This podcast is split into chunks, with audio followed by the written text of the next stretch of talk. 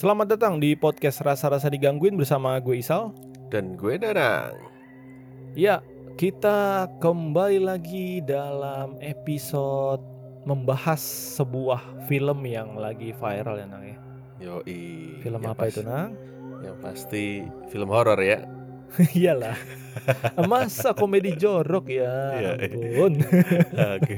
Kali ini kita akan bahas film horor lagi. Setelah kemarin kita bahas KKN, kita kali ini akan membahas film Ivana dari Iya. Danur Universe. Betul. Walaupun nih sebenarnya waktu tayang ini podcast mungkin filmnya udah agak-agak menjelang akhir ya penayangannya. ya. Iya, Betul gak sih? betul. Ini kan sebentar lagi udah mau datang apa menyambut itu ya, menyambut, Menyambut. Pengabdi Setan 2 ya. namanya? Betul. udah diumumin tuh kan Iya. tayangnya kapan. Oke. Tapi eh, ini juga kita mau kasih disclaimer dulu bahwa episode ini adalah full spoiler ya. Iya. Jadi bagi yang belum menonton, segeralah menonton dulu, kemudian kembali lagi ke podcast ini karena kenapa? Karena kita akan mengupas tuntas. Oke,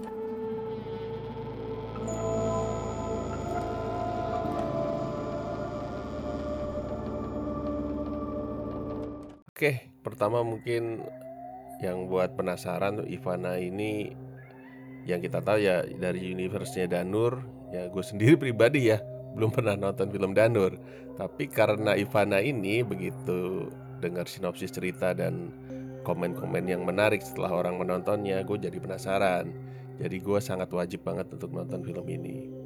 Oke, mungkin dari pertama itu kita coba sinopsis ya, sinopsis cerita Ivana apa sih? Ivana ini kan sebenarnya bagian dari film Danur yang kedua. Si apa judulnya yang Danur 2 ya? Madah, madah. Wadah ya Madah, Madah dari Iya. situ. Bukan Dan- bukan wadah, marohdah. Oh. Warohmah itu ya. Aroma. Dan yang kita tahu juga pemeran uh, Ivananya dari itu sudah diganti ya pemerannya diganti di Ivana ini uh, walaupun tidak kurang bule ya kurang bule nggak sih? Kalau menurut lu Apanya tuh? Kurang boleh tuh. pemerannya gitu yang jadi Oh. Ivana. Oke, dari sinopsisnya ini bercerita mengenai dari adik dan kakak yang orang tuanya telah meninggal.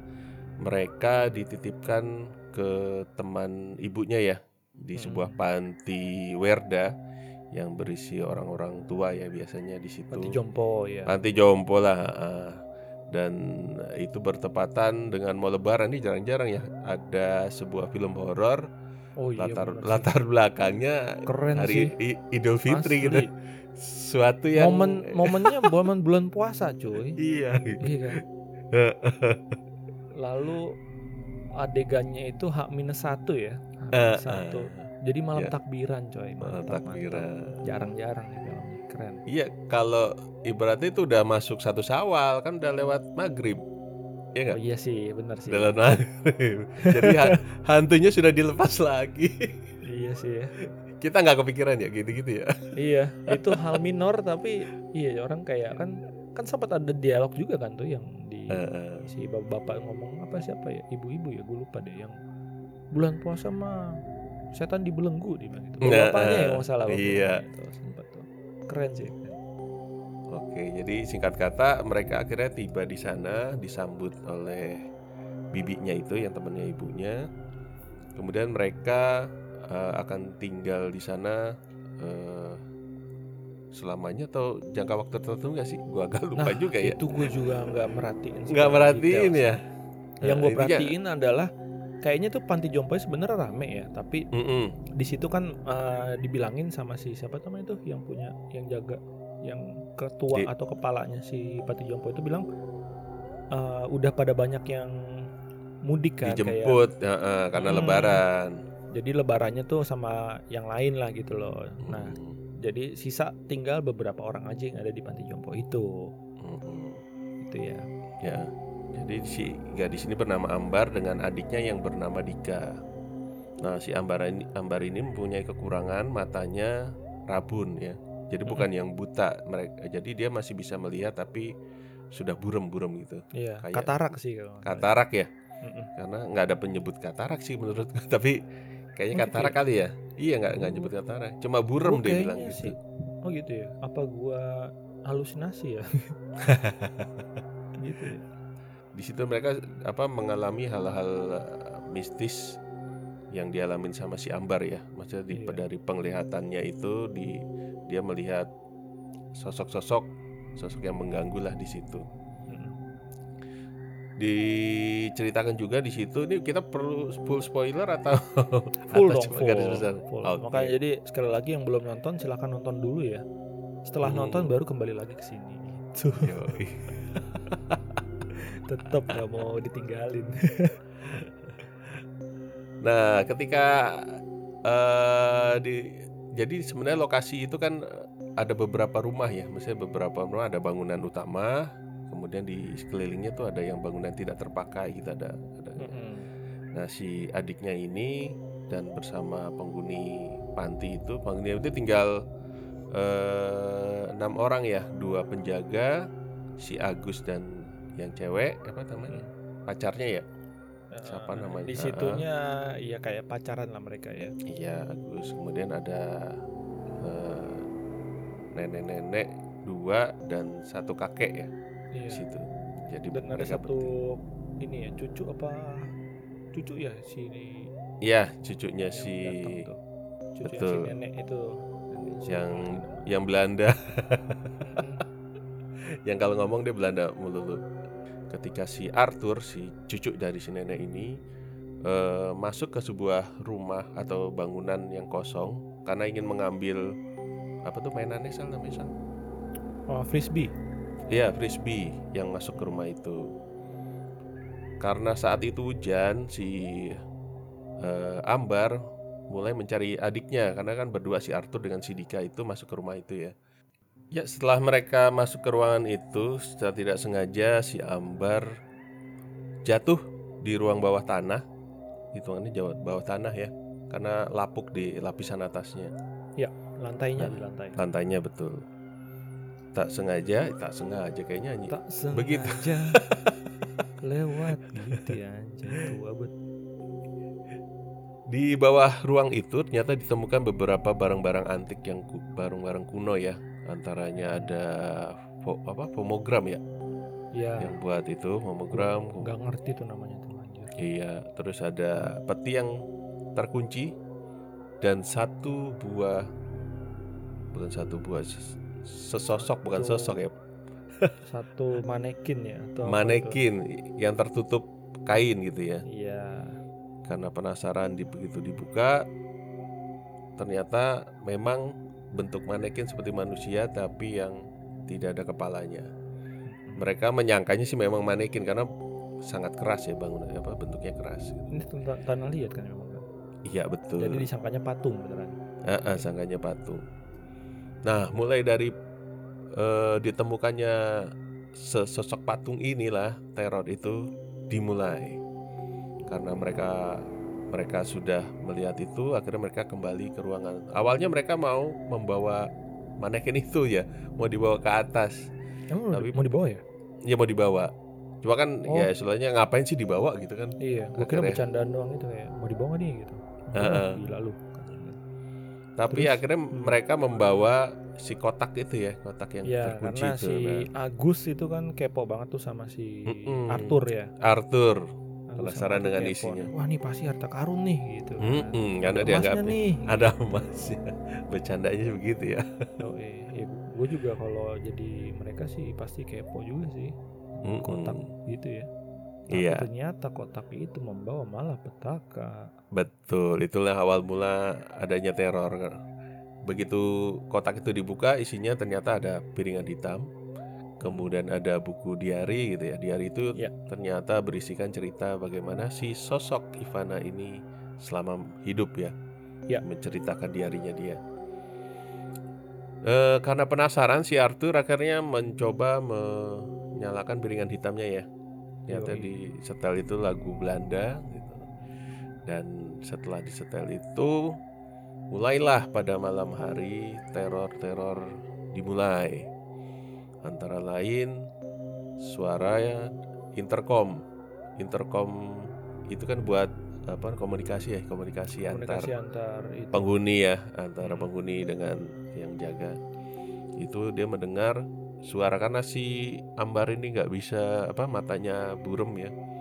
Jadi dia me- eh, eh, mencari eh, sumber sumber dari suara itu.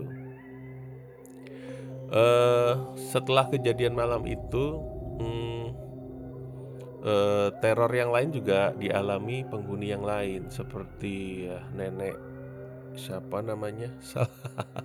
Neneknya, aduh gue lupa lagi namanya neneknya. Pokoknya yang rambutnya putih lah, serem lah itu. Gitu ya. iya ya di sini Eh tapi Eh. nenek itu ini loh salah satu sebenarnya juga apa ya dia kan yang larang untuk buka peti itu kan kotak mm-mm, itu kan dibilang katanya Betul. apa namanya pamali atau apalah gitu nanti ada hal yang jahat atau apa gitu iya kan nggak percaya lah nggak peduli gitu Heeh. Karena kan barang-barang lama dianggapnya itu ada yang ngikut lah gitu kata Mm-mm. si dan akhirnya eh. apesnya neneknya itu yang kena ya pertama Iya. ya, digangguin. Sebenarnya yang pertama tuh si Ambar. Mm-mm, tapi setelah itu disamperin si Dika kan adiknya kan. Mm-mm. kak kak kenapa kak? Ke mana? gitu kan nah, sebelum Mm-mm. itu masuk kamar. Nah teror selanjutnya baru deh tuh baru si nenek Ani ternyata namanya. Oh nenek Ani ya nenek Ani gue nggak berani search tangga soalnya nongol kabar Ivana tanpa kepala anjay tapi nenek Ani ini aja bukan hantu aja udah serem ya kalau ya dan dandannya di situ bener-bener ini sih bikin kayak wah ya, ya gitulah nanti gue akan bahas Oke. Jadi nenek ini Ani ini adalah korban pertama dari teror Ivana. Si nenek ini hmm, mengikuti sebuah suara ya, suara karena mencari sih sebenarnya mencari si penjaganya ya. Iya, Penjaga si yang Agus. situ, Agus, Agus dan sama siapa ya sama satu lagi ya? dan pacarnya Agus sudah gitu aja lah. Ya. Tapi kan mereka nggak tahu kalau itu mereka berdua pacaran. Yang lain tuh nggak tahu kalau mereka berdua tuh pacaran gitu kan. Mm-mm, nggak ada yang tahu. Tapi kelihatan si ceweknya cemburu banget sama si Agus ya karena terlalu dekat eh, dengan mendek- si terlalu- Ambar. Iya, terlalu ini si SKSD apa PDKT gitu. Ngakunya kan bilangnya teman kecil gitu. Eh, eh. Cuma kan insting wanita tajam. Aduh.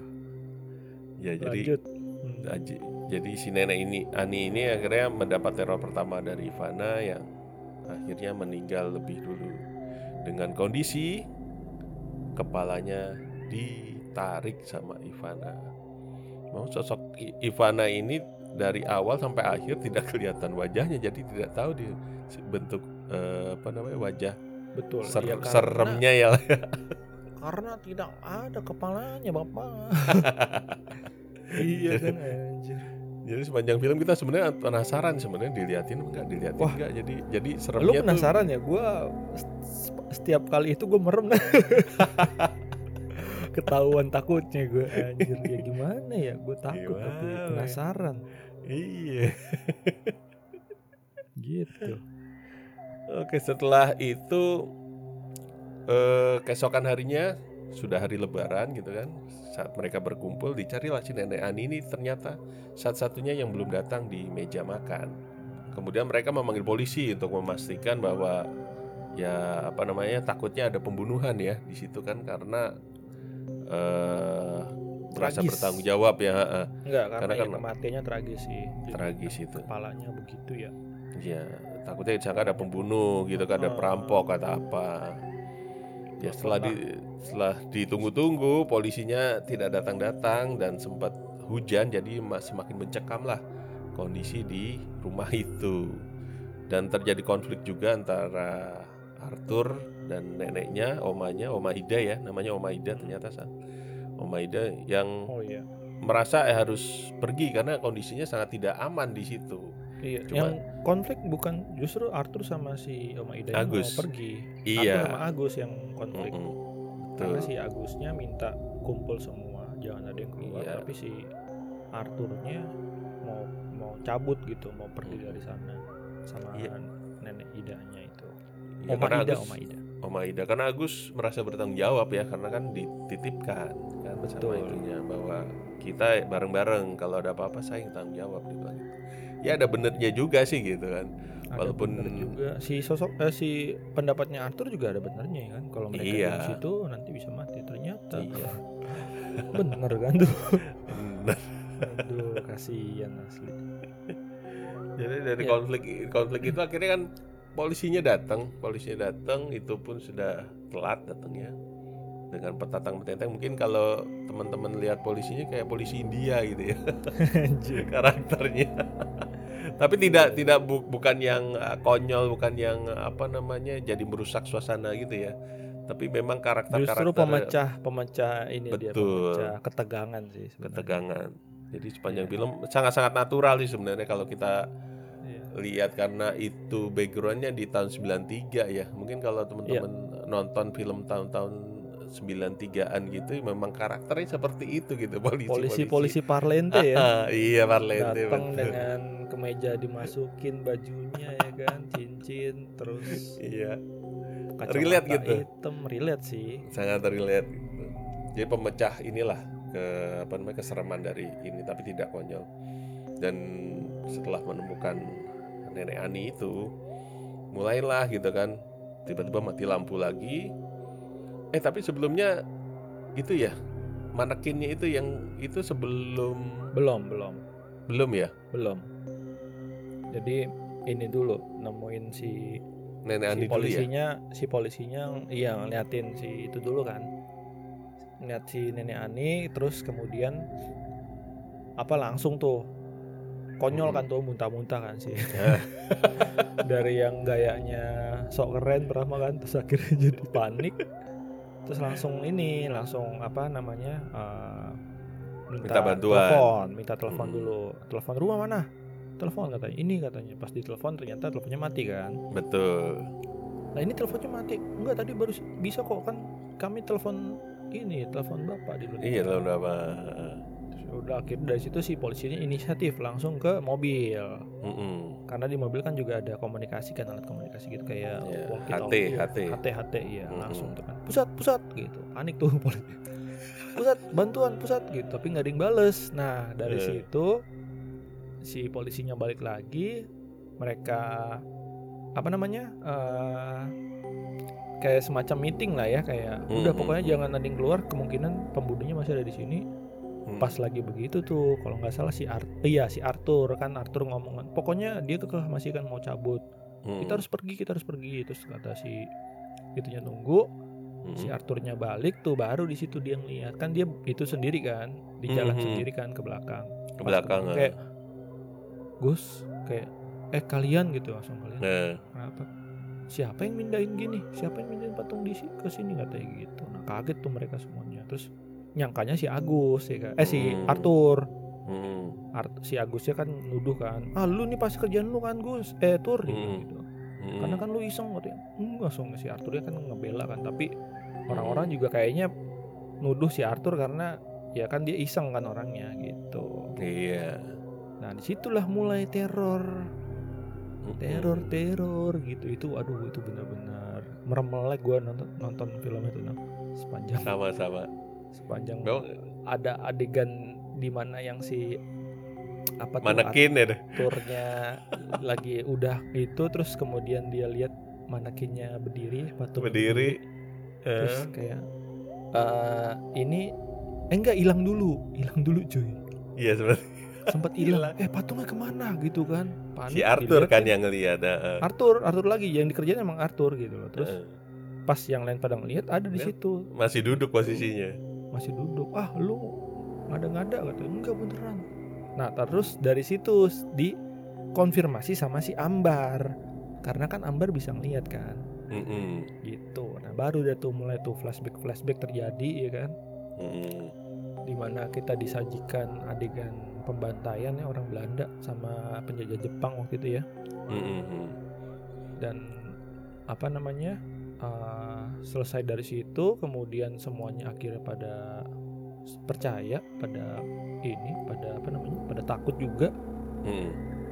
dan apa namanya si ambarnya tuh yang yang seram tuh ini tuh yang eh sempat mati lampu ya abis itu ya Iya mati lampu. Mati lampu dulu. lagi ya? Mati lampu kan si Pak polisinya itu kan eh, ke belakang sama si Agus. Takutnya ini di, ada yang mati ini gitu kan. Iya, betul betul. Nah, Ada yang matiin. ah, mati lampu akhirnya si Agus sama Pak polisinya ke belakang nyari apa namanya? Ah, Si keringnya itulah. si ringnya ya. Stop kontaknya gitu ya. Mm-mm. Terus si Ambarnya eh enggak si Dikanya ya, Dikanya ngeliat Kak, Kak dia bilang gitu. Patungnya Hmm. Iya, lu. Disamperin lagi tuh berdua kan. Aduh, itu asli merinding. Gue tuh kalau apalagi gue kan visual banget ya orangnya. Sampai sekarang gue Eh. masih takut nang kalau nih cerita nang. Sejujurnya ya. gitu loh. Terus abis itu kan pas begitu dideketin ternyata duduk Eh. lagi kan. Wah, Iya. Gila itu bener-bener sih keren sih. Jadi horornya tuh eh, seremnya tuh mencekamnya tuh di situ. Selain dari suara yang membangun. Nah dari situ mulai tuh gue lupa nang. Eh, Nah, mulai dari situ situ, kan nah itu mulai apa namanya si Ivana ini bener-bener eh, neror kan. namanya, nerornya tuh Mm-mm. semuanya Frontal lah. ngeliat ya frontal, lah Frontal. gitu. Heeh. Mungkin dari si flashback flashbacknya si Ambar Oh itu iya kan si Ambar ya. semuanya jadi bisa ngelihat bisa minimal kalau nggak gambar yang diliatin yang di bayangan itu yang di center sama si Arthur Iya kalau nggak ya dari eh, suara dari intercom betul. Sampai Nah, itu. akhirnya ya sampai akhirnya si eh, Ambar, Ambar itu ngikutin kan bagaimana flashback itu Kejadiannya. posisinya kejadiannya dan sampai si eh, Ivananya dieksekusi lah ya. ya sama Iya eksekusi kan? sampai dieksekusi kemudian ya begitulah akhirnya beberapa karakternya mati satu persatu tapi nggak semua si ambarnya akhirnya dikasih kayak visual lagi atau bukan visual sih kayak keinget bahwa si kepalanya Ivana ini kan dibuang ke itu kan ke sumur iya ke kan. sumur betul nah di situlah akhirnya tercetus kayak kita cari kepalanya gitu Mm-mm. terus cari kepalanya habis itu langsung bawa badannya gitu kan terus disatuin Iya. terus disuruh bakar Mm-mm. Nah, pertama di- batu- dihancurin dulu dihancurin dulu karena Mm-mm, karena dipastiin kan bener apa bener gak sih bener begitu dihancurin waduh, Ada tulangnya. tulang dulu ulang. habis itu Ya. dibuang nah pas mau dinyalain nah pas mau dibakar tidak lupa membawa korek.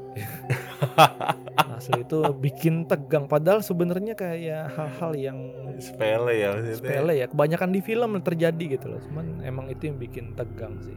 Mm-mm. dan akhirnya berhasil dikalahkan lah dengan cara dibakar gitu. Dan film pun ditutup ya kan? Kemudian paginya polisi datang ambulan datang kemudian mereka sekalian bebenah bebenah terus eh, pindah kali ya itu pasti nggak mau ini ya nggak mau tinggal lagi di situ ya terus langsung Tapi- dijual kalau nggak salah pantinya ya Iya, tapi fotonya kan dibawa itu sama si Ambar. iya betul Foto terakhir itu kan yang jelasin ini siapa nih adiknya Dimas. Itu yang dari. Danur berarti ya. Ada cerita. nah gua kurang tuh kurang Nah, itu. Kayaknya sih nyambung ke situ ya karena gue kan nonton jadi kurang Gue juga tahu. gue nontonnya kalau di film itu sih ini sih asih doang gue sekali penasaran Mm-mm. karena Danur 1 2 kan kalau nggak salah di Netflix ya mungkin nanti akan gue coba tonton ulang Eh, hal-hal yang menarik nih nang dari film ini nang apa nih nang Kalau menurut gue pertama adalah segi cerita eh, alurnya bagus ya. Maksudnya alurnya Hmm. mm, nggak yang tiba-tiba hantu nongol gitu. Ceritanya pelan-pelan tapi plotnya itu sampai akhir kejaga gitu. Wah, Terus- ini ya nge-building gitu ya Buildingnya bagus. bagus ya Mm-mm. Kemudian dari karakternya juga ya tahu sendiri lah pemerannya kan sudah sudah sangat sangat senior ya pemeran-pemeran Iya, bentuk yang ya nenek. dari eh. Oma Ida terus nenek Ani sama Mm-mm. bapaknya siapa namanya tuh bap- bapak itu. Bapaknya dia kan yang kakek bacain diarinya Betul. kan diarinya betul. Kakek Farid oh iya kakek momen Farid. senior. Jadi para pemain junior ini merasa apa ya harus bisa ngimbangin ya. Gue rasa pemain muda ini sangat-sangat eh, ya bisa lah ngimbangin mereka. Walaupun dari sisi mereka ada yang senior mah mungkin ya ini nggak nggak susah-susah amat kali ya aktingnya kali ya. mungkin kayak easy win kayak. Eh, eh, iya kan. Karena ya Senior menjalankan menjalankan hal ya harian aja harian mereka sudah Iya. tua juga kan jadi nggak nggak nggak terlalu inilah Uh, Justru bahkan iya. polisinya si Tantan Ginting itu juga masuk loh itu dia. Iya. iya Bisa bisa apa ya memerankan sosok polisi kocak gitu. Apalagi nang yang bikin lo menarik nang dari film? terus dari komputer grafiknya visual ya visual grafiknya bagus banget ya maksudnya sama bisa- CG ya. CG ya CG-nya itu bisa ya kayak film-film barat lah menurut gua udah udah levelnya udah naik sih Udah bukan mantep bu- ya. udah mantep banget maksudnya udah mirip-mirip dengan film Thailand kita bisa ini lah kayak film uh, Korea Hmm. bisa levelnya ke situ terutama pas adegan pada saat disayat itu Oh iya sih itu. Waduh. lehernya digorok Itu memang kelebihannya Kimo sih ya. Mantep memang. Mhm. Sudah teruji lah dari film-film sebelumnya seperti Ratu Ilmu Hitam kan juga ya film hitam mirip-mirip kan sebenarnya. Dread Out ya yang udah dia buat ya hmm, kalau dari lu gimana Sal? apa yang menurut lu yang paling menarik dari film Ivana ini sehingga kalau lihat dari saya penonton 2 juta artinya kan yang nonton banyak ya nggak cuma penggemarnya Risa Saraswati nggak cuma Hmm. penggemar yang yang udah nonton Danur dan Oh, iya. yang yang baca novelnya gitu kan gue yakin 2 juta ini udah pasti teman-temannya yang baca itu Yoi, 2 juta ini kan beberapa hari lalu ya sebelum iya mungkin sekarang ya. mungkin sudah naik udah- dan udah naik tahu kita berapa ya, tapi semoga akan naik terus ya ya. Setidaknya ya walaupun agak sulit kayaknya mengalahkan KKN tapi ini sangat sangat sangat amat disayangkan sih kalau nggak bisa lebih melebihi KKN. Kenapa? Karena dari segi cerita mantep banget. Gua bisa bilang ini gua rekomendasi banget buat yang belum nonton atau mungkin udah nonton ya. Ini film ceritanya nggak muluk-muluk, Hmm. nggak banyak plot hole atau apa ya semacam kayak hal yang disia-siakan lah gitu loh. Mm-mm. Contoh apa? Contoh waktu adegan pertama itu uh, hujan, iya kan? Hu- Hujan kemudian pakai payung gitu kan. Terus. Mhm. Kemudian dari yang adegan terakhirnya hujan juga itu juga masih masih payungnya masih kepake loh gitu loh. Jadi benar-benar Mhm. bukan cuman hiasan doang dan Mm-mm. Uh, ceritanya bener-bener uh, ngebuat kita ini jadi agak-agak kalau gua pribadi ya karena gue juga takut ya kan sama film horor gitu ya atau cerita serem ya. Tapi karena gue penasaran dan ya salah sih sebenarnya. Cuman ini ngasih efek af- after efeknya tuh mantep gitu loh maksudnya. Jadi kenapa? Jadi abis gue tonton filmnya, gue Mm. kebayang pertama tuh apa lagu Belandanya tuh. Iya. Waduh itu kok terngiang-ngiang gitu. Yang kedua adalah ya itu patung gimmick patungnya tuh mantep banget yang si siapa sih Ambar ngebuka pertama kali ngebuka tutup apa namanya eh, covernya itu kan. Ya. Terus dia kan kayak berdiri gitu kan kayak nyampe. Ya. Wah itu anjir gue lompat itu nang. Terus padahal itu ada di trailer loh. Cuman tetep aja gitu bikin Kaget. kaget. Mm-mm. Yang Dan- yang bangun juga kan manekin bangun yang nyusul tuh kayak Iya. mau megang nah itu. kayak mau megang ya itu itu kan di trailer ada kan Iya. dan, dan waktu di film gue kaget lagi gitu loh Itu sebioskop teriak loh, Bang. asli itu teriak semua dan juga yang apa namanya yang si itunya berdiri juga teriak gitu. dan sosok si patungnya itu ada di tengah-tengah itu tuh Hmm. bener-bener bikin auranya tuh mencekam banget loh iya kan Hmm.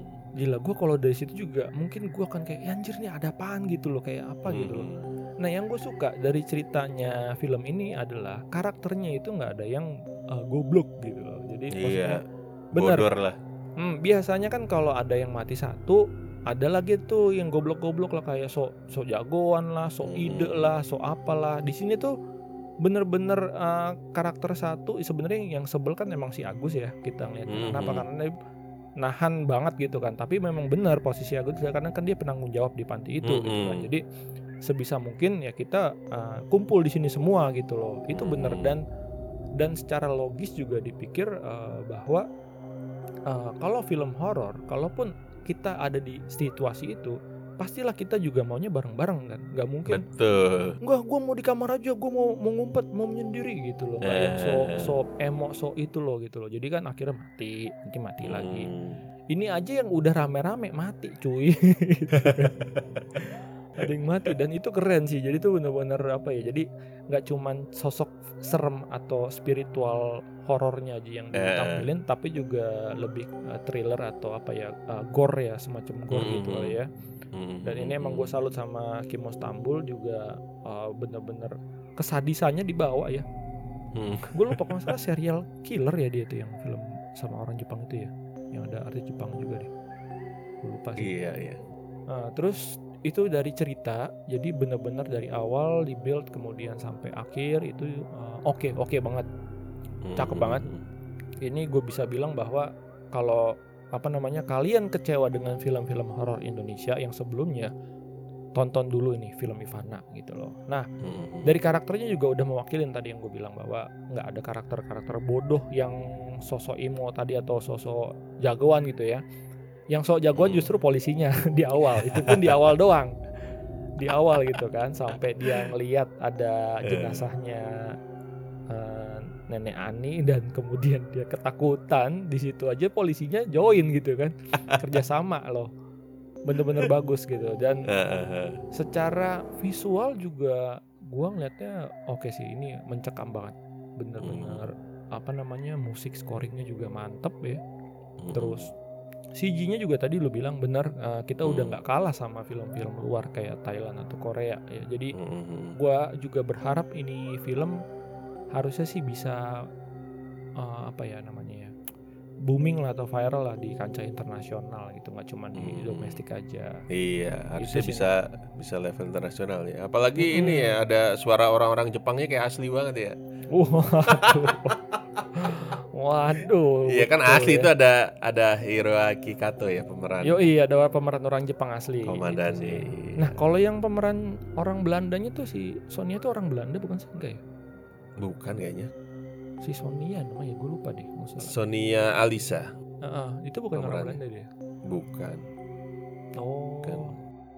Iya iya. Itu mungkin apa ya? Kita masuk ke segmen di mana hal-hal yang perlu diimprove dari film ini kali Nang ya.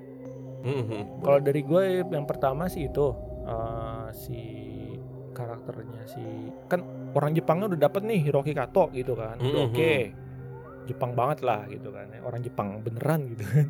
Dan dia juga bisa bahasa Indonesia ya, jadi eh, eh, apa ya, walaupun dia fasih tapi di situ dia bahasa Indonesia itu eh, agak terbata-bata gitu, jadi bener-bener mengekspresikan Jepang orang banget Jepang ya.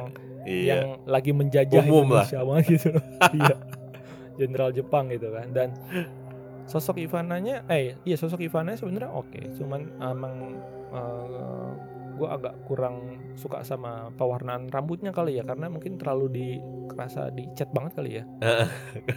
Bule-bulean bule Depok iya, ini. kayak mungkin se- sebenarnya kalau kalau gue juga nggak gue juga nggak tahu ya sosok Ivana aslinya kayak gimana ya. Eh. Kalau yang penggemar setianya Risa Saraswati atau ngikutin ceritanya Danur Universe Hmm. dan lain-lainnya itu mungkin eh, paham dan sebenarnya juga gue ada novel tentang cuman punya adik gue tapi gue nggak baca sih gue nggak gue nggak berani gitu kan Secara itu, kalau rumah lu misalkan- ya. hmm, yang gue mau tekankan di sini adalah kalau misalkan emang karakter si Ivananya itu si Sonianya emang rambutnya hitam kenapa harus perlu diwarnain eh, bu- blonde gitu loh tapi kalau memang ha. blonde ya mungkin ya wajar aja. Itu doang sih kalau dari karakter yang perlu diimprove ya. Kemudian dari hmm, ini apa ya eh, tetap sih ada hal-hal bodohnya ya yang gua lihat kekurangannya itu. Hmm. contohnya adalah ketika mereka masuk ke gudang yang udah terbengkalai ya. Nah, sejujurnya di situ kan eh, kalau orangnya apa ya berpikir secara logis lah si itu kan ada si Arthur kan sama si Dika ya iya. memang pasti bocah itu kepo gitu kan ih ini apa Pak? apa ya gitu lah kalau gue jadi Arthur gue kayak nggak boleh udah nggak usah nanti aja gitu sih pasti Iya. gue akan melarang gitu dan itu kan akhirnya jadi terpicu mereka ke sana semua gitu loh Mhm. itu itu yang cuman apa ya eh, mungkin ya sebenarnya ini salah satu masuk ke plotnya dalam cerita gitu sih Mhm. Kalau lu nang apa nang Nah kalau dari gua Betul. mungkin mungkin karakternya perlu di ini lagi ya didalemin lagi sih kalau menurut gua. Mungkin kayak latar belakang si Ambar itu kenapa bisa ngelihatnya hal-hal begitu Mm. apa karena setelah operasi apa menggantikan mata apa namanya kornea orang lain gitu kan jadi bisa lihat Oh, Nah, iya. itu kan nggak nggak dijelasin cuma bisa lihat aja gitu yang hal-hal gaib tidak Ah, ada sempat latar kok kalau belakang nggak salah sempat diceritain semenjak semenjak Ambar gue lupa operasi dia, kan dia dia sendiri yang ceritain apa apa kak apa adeknya Dika. ya, kalau nggak salah. si Dikanya ya gue lupa pokoknya di film Hmm. dijelasin kalau semenjak Ambar operasi dia bisa lihat hal-hal yang Iya. luar nalar gitu nah tapi benar kata lu tuh bagus tuh kalau misalkan dikasih tahu lah kayak atau mungkin ini salah satu ini nah plot hole yang akan jadi sequel nang aja berikutnya Yoi. Ternyata Prequel. kayak apa namanya DI ya, DI. di kan iya gitu kan. iya iya iya iya. Ternyata sosok apa ma- ma- mata yang dipakainya yang korban pembunuhan gitu ya masalah ya. Hehehe. Gua Lupa. Ya, Apalagi, terusnya, juga, terusnya juga dari karakter si Hiroaki Katonya juga menurut gua ya apa kurang dijelaskan gitu hubungan dengan si Ivana ini eh, dulunya tuh seperti apa gitu pengkhianatan pengkhianatan seperti apa gitu Oh iya iya. itu kan cuma ya sekilas sekilas aja gitu loh karena hubungannya kalau dilihat ter- sangat dekat ya si komandan ini dengan si Ivana gitu kan Betul. Jadi kayak tiba-tiba kita dikasih lihat endingnya doang kan. Waktu Mm-mm. ketika si Ivana mohon-mohon ke kita nyebutnya siapa sih Jenderal Matsuya ya masalahnya. Iya Iya Matsuya Matsuya, Matsuya. Gue ingetnya Matsuya restoran Jepang anjir. anjir Matsuya. enak Iya anjay. Jadi lapar bang. Iya jadi eh, di endingnya itu benar sih kata lo. Jadi agak terlalu kayak kan gue udah begini bla bla bla bla gitu Mhm, kan. mhm, Harusnya mhm. mungkin dikasih sekilas lah flashback eh, mereka deket kemudian kenapa juga si Mm-mm. Ambar harus berkhianat untuk Iya. ngebocorin gitu ya bla Mm-mm. bla bla gitu bener sih bener. Iya, terus juga pemeran Agus sih menurut gua. Itu kan Agus orang Sunda ya, kenapa mukanya agak bule? Ya, tipikal orang ganteng nah. Ya, ah, ah, gitu ya makanya Tapi iya sih, ini harus good looking lah di film ya. Aduh, mudah-mudahan bi- iya, iya. bisa dikurangin lah yang begitu-gitu lah. Kalau menurut gua ya ya apa adanya aja sih sebenarnya gitu. Hmm, kalau Agusnya eh kalau Arthurnya sendiri udah oke ya karena Menurut gua ya karena oma omanya Idanya kan kayak ngomong Belanda gitu dia. ah, sih? masih bisa ditolerir lah Kayak gitu. ada keturunan betul. Ah, ah, masih ada ada ada inilah. Ya. Kalau Agus jadi kayak ingat ini ya pemeran-pemeran ini ya, yang ganteng-ganteng, cantik-cantik gitu lah ya. Nah nggak boleh sirik, nah nggak boleh. Iya nggak boleh ya. Gila. Karena kalau nggak gitu nggak menjual filmnya juga sih gitu. Asik. Selain selain yang cantik-cantik itu harus ada ganteng-gantengnya ya. Hmm. Kemudian Terus ini lagi sama pertajam kurang ditajemin latar belakang sih. Maksudnya kenapa dia harus ngebunuh semua pribumi ya gitu. Padahal kan yang ngebelain dia juga pribumi kan. Oh, yang yang iya. apa namanya gitu kan. ngebelain dia karena dia suka ya, tapi gua nggak ngerti. tuh. Mm-mm. Makanya kenapa walaupun sebenarnya kan dendam ya artinya Mm-mm. karena merasa dianati kan dia bilang kan eh, setetes darah ini harus Setiap, dibalas iya, gitu lah tiap setiap mm, tiap akan darahnya. akan membalas aku akan Hmm. membalas lah gitu kan ya Mm-mm. betul betul sementara satunya itu yang orang pribumi ngenol- nolongin si Ivana kan Iya gitu. cuman nah itu itu juga belum dijelasin Mm. walaupun yang si sosok laki-lakinya ini yang nolongin si Ivana Mm. gue kira tadinya itu Pras Teguh ya Habis mirip, mati anjir, gua. penasaran. iya anjir kayak wah ini mati penasaran nih keren juga gitu tapi kayaknya bukan gitu loh kayak Bukan pak. Siapa? Bukan ya, bukan ya? tapi mirip bagus. serius serius, Serius, kalau menurut gua mirip ya mirip ya dan Eh, mungkin kayak gua ngelihatnya kayak si Ivananya ini mungkin kayak jadi apa ya nang ya? Idolanya kali nang ya? Ngerti nggak? Jadi Hmm. yang pribumi ini emang suka gitu loh cuman mungkin bertepuk sebelah tangan gitu kan atau Oh enggak sebenarnya itu latar Cuma- belakangnya kenapa sangat menjaga Ivana? Ya sa- satu mungkin suka iya tapi Hmm. keluarganya itu dijaga banget sama keluarganya si Ivana ini. Bapak ibunya tuh sangat apa namanya ya sayang sama pribumi di situlah gitu lah. Oh kalau Gitu. bapaknya ibunya betul. Iya. Iya kan? Sampai kan adeknya kan yang eh adeknya apa kakaknya sih yang cowok kan mereka Hmm. tiga punya tiga kan Hmm, hmm, satu Ivana satu lagi namanya dikasih nama Dimas kan hmm, hmm. karena Iya. nama Indonesia gitu. Ah, karena saking cintanya sama Indonesia gitu. Kayak rasa terima kasih lah di itu makanya dia jagain banget si Ivana ini sebenarnya gitu sih. iya, iya. latar Enggak belakangnya. soalnya yang pas waktu dia itu loh Nam, waktu dia bawa jasadnya Ivana ke bawah itu loh. Mhm, Itu kan mhm. di situ kan dia kayak orang gila kan tuh. Mhm, mhm. Terus sambil bilang apa cintaku padamu gitu lah bla bla bla. Hmm. Kayak inget tuh dialognya. Mhm, mhm, Terus mhm. itu keluar tuh dia ngebantai tapi dibantai gitu. Iya di pantai. Gitu. Mhm, mhm. Itu juga sih. Sama beberapa sebenarnya Ada lagi? Ada yang kurang. sebenarnya nggak kurang sih kita sebenarnya im- improve biar lebih baik lagi sih sebenarnya betul. walaupun walaupun semua adegan menurut gue sudah sudah sangat bagus gitu kalau andai saja gitu kan andai saja kalau kita sebagai penikmat kan maunya banyak ya nggak Yo, betul. Namanya netizen ya. Nggak ada yang puas bang. iya yang Apa kurang tuh? satu, satu lagi ini eh, apa namanya properti kepalanya itu loh yang ketika sudah dicabut tuh seperti mainan ya Oh iya iya. Kurang realistis itu kalau dibikin green screen atau dibuat sedikit bergerak gitu ketika palanya ini masih ada darah atau apa mungkin Hmm. agak realistis lalu lebih serem lagi gitu sih menurut gua. Jadi Karena kalau- bumbu ya. iya kalau dilihat yang itu udah sudah mainan banget lah udahlah orang percaya itu nggak asli gitu. Walaupun dia namanya film ya gitu. Yang minor-minor gitu mudah-mudahan ke depannya yang kalau si Kimo bikin lagi ya bisa bisa lebih bagus lagi lah kalau memang ada adegan kepala ya maksudnya sangat-sangat sayang sih gitu loh padahal Hmm. bisa lebih bagus Ya ini gue bukannya ngebela ya, tapi mungkin gue lebih ngelihatnya karena eh, untungnya ditolongnya adalah kenapa? Karena eh, kemunculan kepalanya dia kan juga minim banget ya nang, Hmm, hmm. cuman di das Iya ya sih. kan, terus dibawa Iya. buang kelar udah kan, habis itu nggak Mm-mm. nongol-nongol lagi gitu loh. Jadi Mm-mm. ketolong di situ dan ya mungkin budgetnya cuma segitu. Gua nggak tahu. iya sih bisa juga Iya.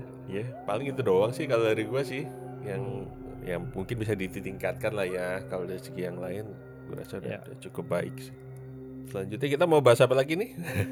Setelah tadi sudah hal-hal menarik sudah kita bahas, kemudian yang Eh, kita perlu baik. Ditingkatkan ya Mm-mm. untuk film Ivana ini walaupun menurut uh, gue pribadi film ini bagus banget sih dan Mm-mm.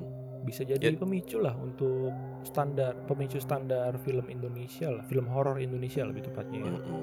ke depannya nih gue berharap banget lah seperti ini nih film dibikin gitu loh Ya masukan kita sebenarnya kan filmnya udah bagus, cuma kalau bisa lebih bagus lagi nih selera penonton aja sebenarnya. ya kita tunggu lah aja ini banyak. kan ini kan sebagai pemantik lah ya jadi Nah, ah, Nah, yang bakal tayang kan juga si siapa tuh namanya? Pengabdi Setan 2 Setan ya dua. kan. Ya Mm-mm. semoga juga nggak kalah mengecewakan ya dan harusnya sih lebih baik gitu loh. Iya, itu nanti tayang di IMAX loh. Penasaran Iya. kalau kita mau nggak lo nonton di Bingung IMAX? gua. iya, aku bingung Hmm, gimana anjir. Anjir, aduh. Aduh. Eh tapi jujur, gua nonton KKN sama lu aja waktu itu ya kan. Eh, Gue nonton KKN itu bener-bener sepanjang film mata gue melek terus nah. iya sih. Maksud gua gua nggak merasakan ketakutan atau apa ya kesereman serem sih tapi maksudnya kayak nggak yang oh gini oh gitu loh cuma Karena- Ivana Heeh. Ivana ini bener-bener lu tuh dibangun kayak lu tadi nonton yang biasa kemudian dari yang mulai adegan bis aja tuh udah anjir anjir gitu kan pas di waktu si Iya, nengok bis belakang gitu ya. kan iya terus abis dari apa namanya abis mereka nyetel lagu itu udah tuh gua abis Iya. dari situ kelar gua anjir meremlek meremlek gua nontonnya Iya. Kayak selama adegannya sudah malam ya sudahlah mata mer Iya, lah orang cuman semalaman kejadiannya cuy. gue gue kemarin nonton di bioskop gue duduk di bangku yang dikosongin tuh yang tengah tuh ada empat bangku. Kan, nggak tahu dah tuh itu biasanya kan buat tamu sih ya Iya. cuma Lu kalau- duduk di seat D ya? Kalau D Seat- biasanya se- sering dikosongin. seat A Oh seat E. Harusnya sih D sih cuman ya. nggak Terus? tahu deh kalau dulu dulu katanya kalau ada film Danur itu Hmm. dikosongin katanya buat si siapa namanya si Serius lu? Anjir. isunya katanya gitu Wah jangan-jangan. kalau tuh, nonton mereka di situ gue ingat-ingat gue kemarin nontonnya di D tapi gue ambil yang pojok Eh, bukan pojok sih gue ambil yang tengah tapi yang jalurnya ada di tengah jadi gue ambil yang pojok Hmm. cuman kiri kiri gue kosong anjir Emang. Ya kok kosong gue itu tengah bener-bener tengah kayak. Hmm. Gue kenapa ngambil situ ya gue nonton di sana sendiri satu. Sisanya udah mojok-mojok deh. Ah tuh ada yang hijau satu. Gue udah gue tag aja. Oh tapi rame ya? Kalau rame mah. Rame rame rame. Gue kemarin nonton rame sih. Tapi walaupun rame kalau dikosongin gitu males juga sih. Aduh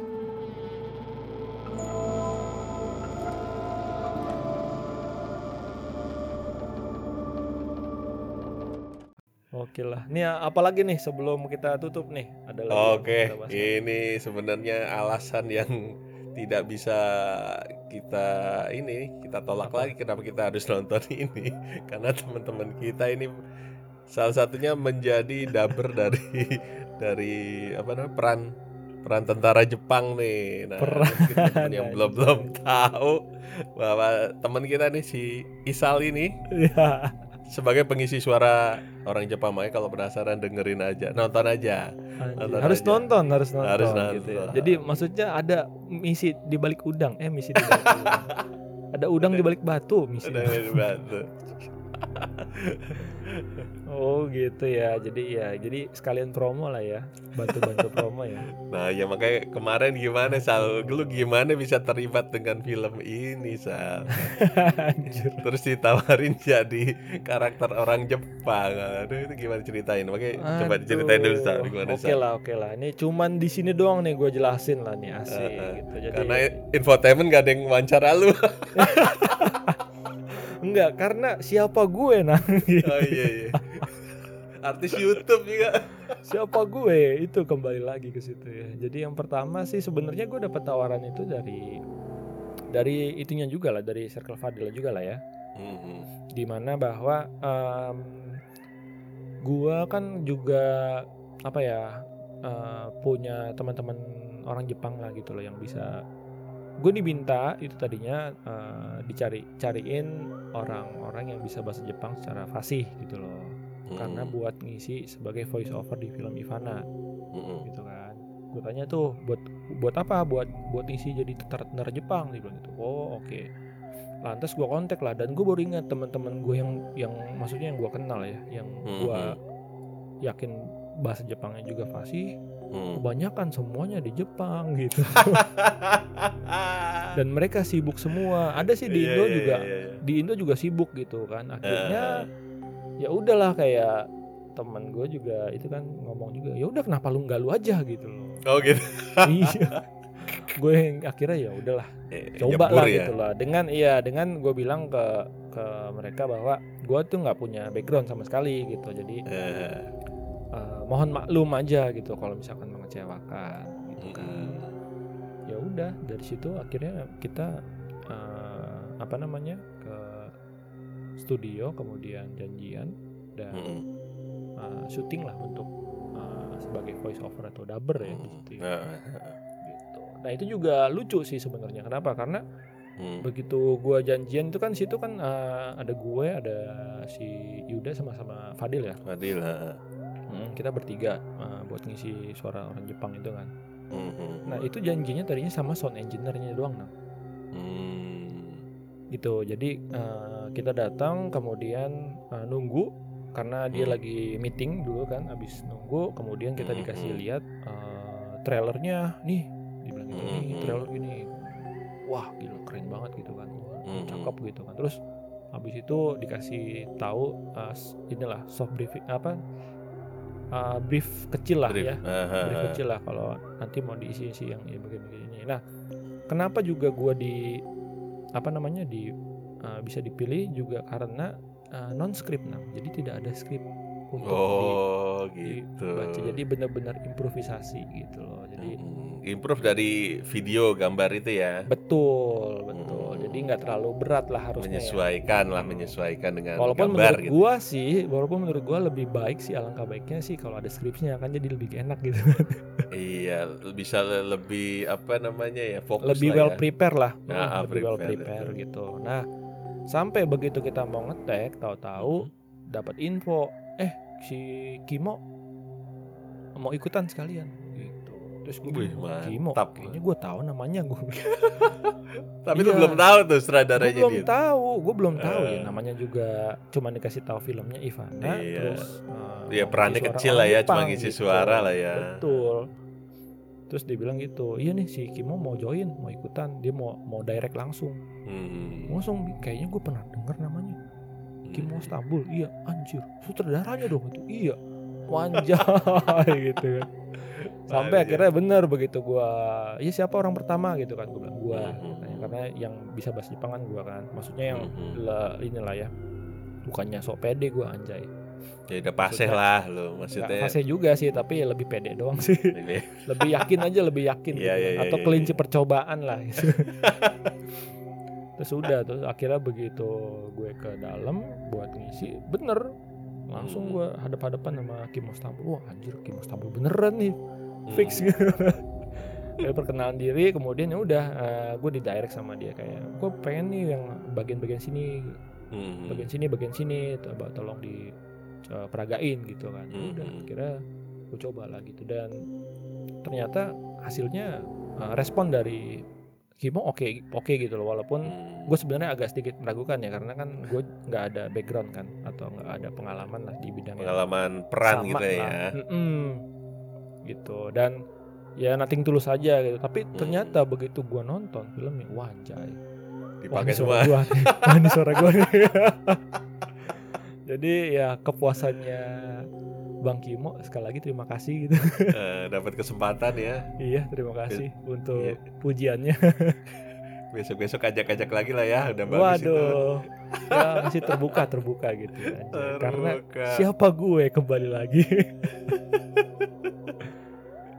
Ya itulah. Jadi ya buat yang pendengar podcast rasa rasa rasa digangguin ya kan. Hmm. Yang juga familiar dengan suara gue dan mungkin Danang nextnya kali ya kalau ada Nang ya. Gitu. Iya boleh boleh boleh. Boleh ya Nang ya? Gua iya, gua nggak apa-apa dah jadi dabernya ini Benteng Takeshi tuh. Gua dulu paling paling seneng Bodoh niru-niru sekali gitu dia yang mulia gitu ya. Iya, Gimana yang mulia? Lihat Dia dia, yang mulia. Ayo cantik, yuk cantik. Aduh, kocak, anjir, anjir. Gitu lah Tapi, ya. tapi lu lah. lo nggak nggak ini ngalamin kesulitan selama selama pengambilan suara.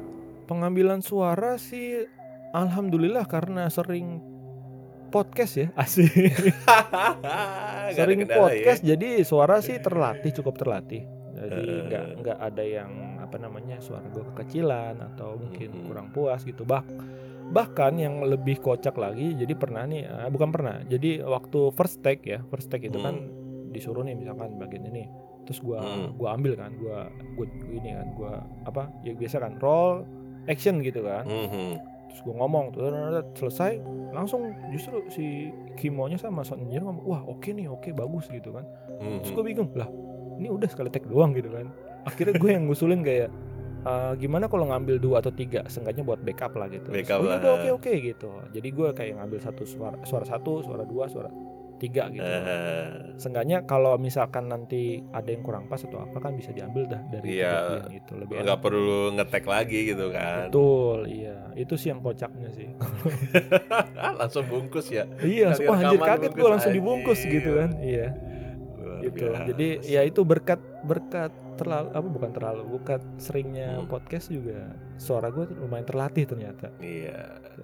Nah, kalau masih pada penasaran, jangan lupa nonton aja filmnya. Nanti ditungguin sampai kredit akhir. Itu di bagian dubber. iya, nah, betul. ada namanya. itu tuh. ada namanya. Ada nama saya, nama teman-teman saya ya, Yuda Fadil ya kan. Iya. Nggak ada nggak ada nama-nama Jepang sih sebenarnya. iya sih, Lokal semua, Pak. lokal tapi ya suaranya ada. Tapi juga kalau yang dengar kemudian merasa, wah bang kurang nih bang gitu, boleh juga komen Iya. gak apa-apa. Boleh, boleh, boleh. Iya boleh boleh. Seenggaknya kan juga buat masukan gue ya. Heeh. buat ke depannya kan bagus gitu. Iya, siapa tahu diajak project lain gitu kan Amin, dari amin. saudara lain nggak boleh. Joko Anwar gitu mau ngajak. Waduh, halo bang, halo bang Joko, gitu. Halo Bang Joko. Si denger podcast kita. Iya. Halo Bang Ernest, halo Bang Dika semua ini Gitu sebutin. ya, semua aja sebutin lah. Eh, gitu itu ya paling sih itu doang oke sih itu pengalaman pertama gue dan Mhm, cukup berkesan ya karena eh, semuanya puas gitu jadi mhm. happy ending gitu. Happy ending. Dan puas dengan hasilnya juga ya. iya betul mantep mantep gue juga geli-geli sendiri sih dengar suara gue sih lah itu suara gue tuh nah lu kan Iya. lu lu juga kemarin nonton kan nah? gimana nang Iya gue ada gak gua- jelas gak suara gue Gila, gue dengar beberapa suara, wah Isal nih, Isal nih gue bilang. Iya. Ada beberapa kayak ini Yuda nih kayaknya. oh gitu ya gue nungguin adegan dialog panjang ternyata nggak ada ya dialog panjang ya. dialog panjang itu cuman yang pas bagian em, apa namanya sebenarnya tuh yang yang eksekusi Mhm, itu lumayan tapi memang ini kan karena beberapa beberapa orang ya jadi ya gua suara satu suara dua suara tiga gitu kan mhm, yang cukup panjang tuh yang di bendera pemasangan bendera mhm. penggantian bendera tuh sama waktu eh enggak eh, si ini si Ivana ditarik tuh Mhm.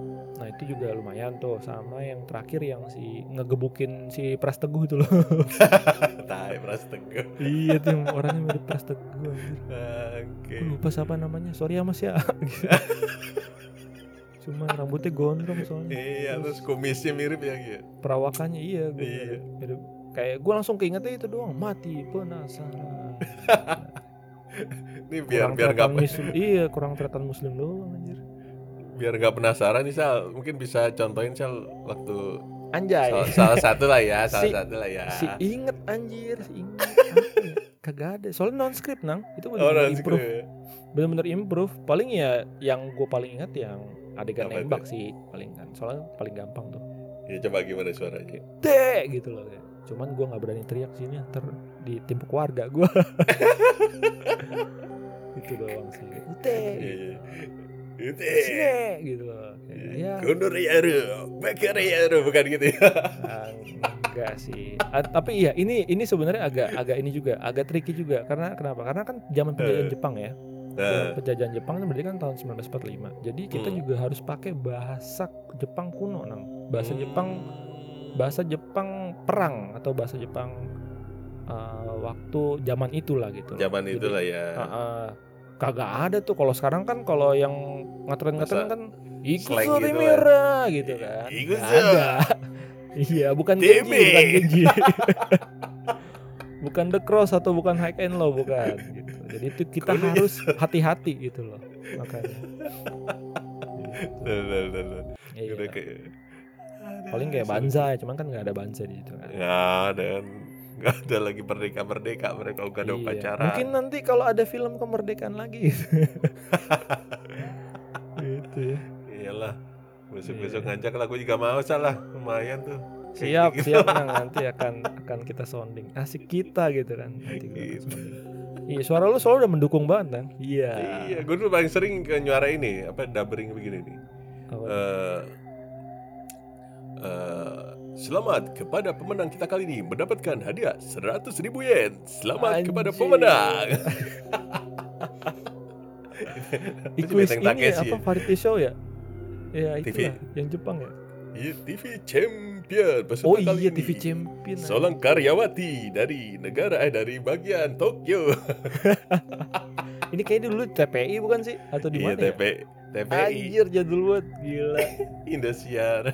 Iya Indosiar juga. Oh Iya. bisa nang bisa. Bisa lah bisa. Ya oke lah berarti itu aja kali nang ya. Ada lagi gak sih? Udah itu doang lah. Itu doang ya. Jadi Mm-mm. pokoknya jangan lupa ditonton film Ivana. Mungkin sampai saat ini masih ada di layar lebar ya dan segera ditonton. Kenapa? Karena ini nuansa horornya itu sangat-sangat mendukung kalau nonton di bioskop. Betul.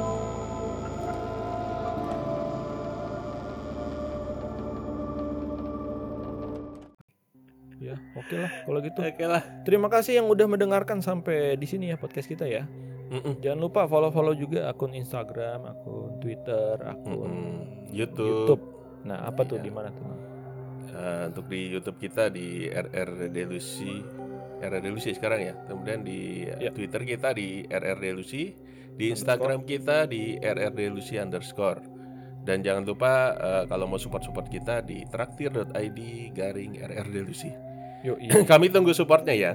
Yoi, semuanya ada di link deskripsi dan juga jangan lupa dengerin channel podcast kita yang lain seperti rasa-rasa eh kok rasa-rasa juga emang ini bukan ya seperti rame-rame diskusi kemudian ada juga RRD Network ya di Kamis Korea Jumat Jepang dan Sabtu Sangat Sabtu Sangar. betul. Yoi. Oke kalau gitu terima kasih dan gue Isal Dan gue Danang. Sampai jumpa di episode selanjutnya bye bye Bye bye.